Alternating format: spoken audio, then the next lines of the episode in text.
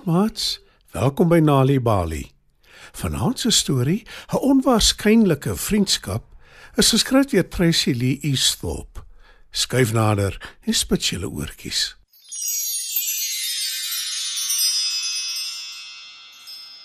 Dani kyk uit by die venster van sy nuwe slaapkamer in sy nuwe huis in 'n nuwe stad. Hy sug en sê: O, oh, ek mis my vriende. As hy nou by sy ou huis was, sou hy heerlik in die straat voor hulle huis saam met hulle gespeel het, want dis 'n klein dorpie, 'n veilige dorpie waar almal mekaar ken. Maar hier is alles vreemd en anders. En hy's glad nie seker of hy daarvan hou nie. Dani se mamma het 'n nuwe werk gekry wat beteken het dat hy en sy gesin Johannesburg toe moes trek. Weg van hulle tuisdorp Matatiele af. In plaas van heuwels word hulle nou omring deur huise, karre en mense. En dis vir Dani heeltemal onbekend. Daar's 'n klop aan hulle voordeur en Dani se ma maak die deur oop. Hy hoor hoe iemand met 'n sagte, streelende stem haar groet.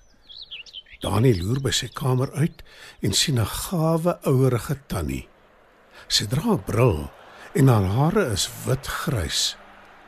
Sy hou 'n bord koekies uit na Dani se ma en dit ruik heerlik. Ek is mevrou Jansen, julle buurvrou.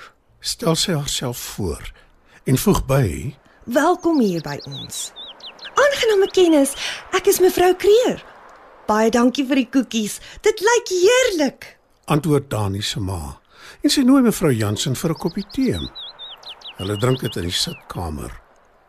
Dani loop siekies met die gang tot by die sitkamer se deur. Hy dink niemand sien hom nie, maar mevrou Jansen kyk hom reguit in die oë en sê: Hallo daar. Jou mamma vertel my nou net van jou. Dani is dit nie. Ek sê nou juis vir haar ek is op soek na iemand wat met my hond sal gaan stap. Die seun wat voor jou hier gebly het, het dit altyd gedoen. Ek sal jou natuurlik betaal. "Nou het Dani nie 'n keuse nie." Hy stap traag die sitkamer in. Hallo mevrou. Ek sal dit doen. As my ma sê dis reg so. sê hy en kyk vraend na sy ma. Hy hoop sy sal nee sê, want eintlik is hy glad nie lus om dit te doen nie. Maar sy ma knik haar kop en mevrou Jansen sê: Uitstekend. Wat van môre middag na skool? Kom net na my huis toe. Dis die een reg langs julle met die pink voordeur. Wie weet? Ek en jy word dalk nog goeie vriende. Sy knipoog vir Dani.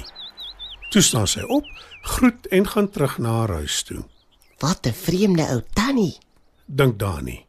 En hy frons toe hy kyk hoe sy ma saam met mevrou Jansen na hulle voordeur toe loop. Hoe kan sy dink ek en sy sal ooit vriende wees? Wonder hy. Die volgende dag na skool gaan hy na mevrou Jansen se huis toe. Die ou tannie gesels land en sand en sy stap saam met hom in haar rond Jerigo straat af. Ek bly al 10 jaar lank hier. My kinders is lankal groot en uit die huis.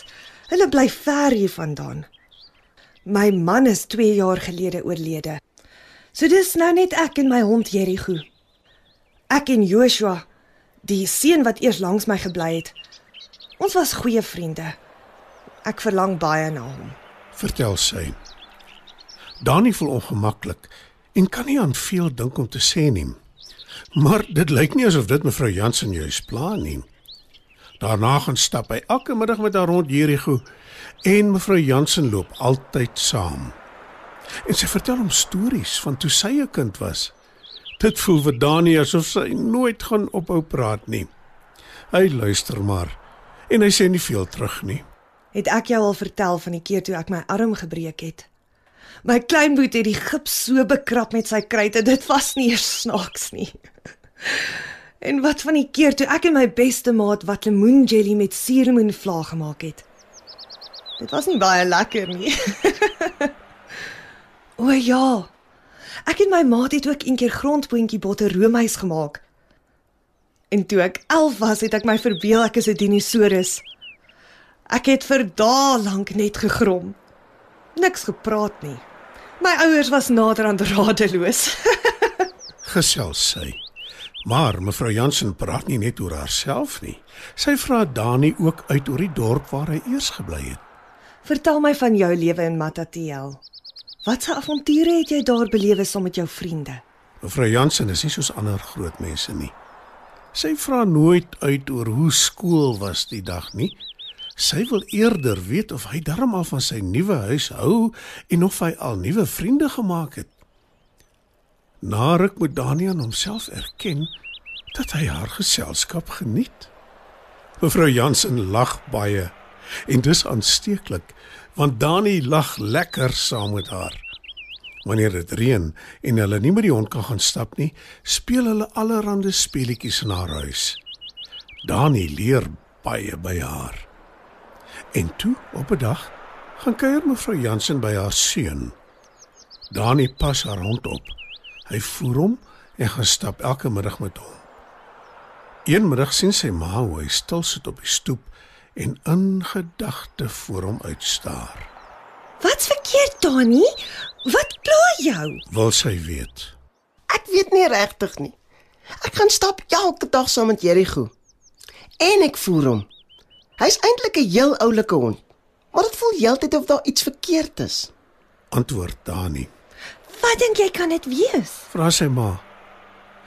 En skielik weet Dani presies wat die antwoord is, Mm, mevrou Jansen. Ek mis haar. sê hy. Ek mis hoe sy my uitvra oor my lewe in Montatjeel. Ek mis haar net so baie soos my vriende daar. En toe mevrou Jansen terugkom van haar kuier by haar seun, draf Dani dadelik oor na haar huis toe en hy gee haar 'n stywe druk. Ek het dit eers nie geglo nie. Maar ons kan vriende wees. Goeie vriende. Eintlik is ons klaar vriende, mevrou Jansen. sê hy.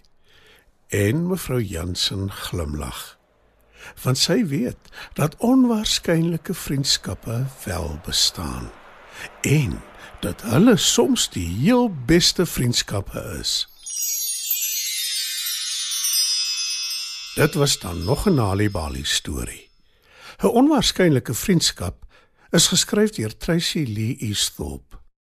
Die storie is aangebied deur die Nali Bali leesvergenotveld in samewerking met SABC Education. Sjoe, mamma, ek het nog nooit so baie boeke saam gesien nie. Mag ons enige boek kies wat ons wil? Ja, seun. Openbare biblioteke leen boeke uit en die beste van alles is enigiemand kan by 'n biblioteek aansluit. Alle volwassenes kan 'n voorbeeld stel vir kinders deur hulle plaaslike openbare biblioteek te besoek saam met hulle kinders. Vind uit hoe Nali Bali jou kan ondersteun deur jou eie leesklub te stig by www.nalibali.org/reading club. Nali Bali. Dit begin met 'n storie.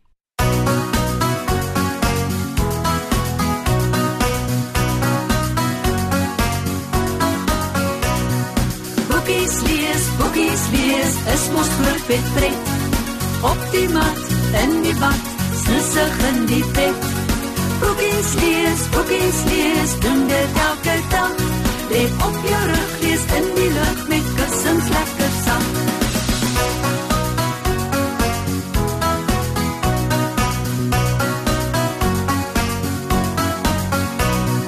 Boeke help jou slim te wees, so lees dit baie keer. Maar wys woorde met haar vingers, so kan jy dit leer. Daar is allerhande soorte boeke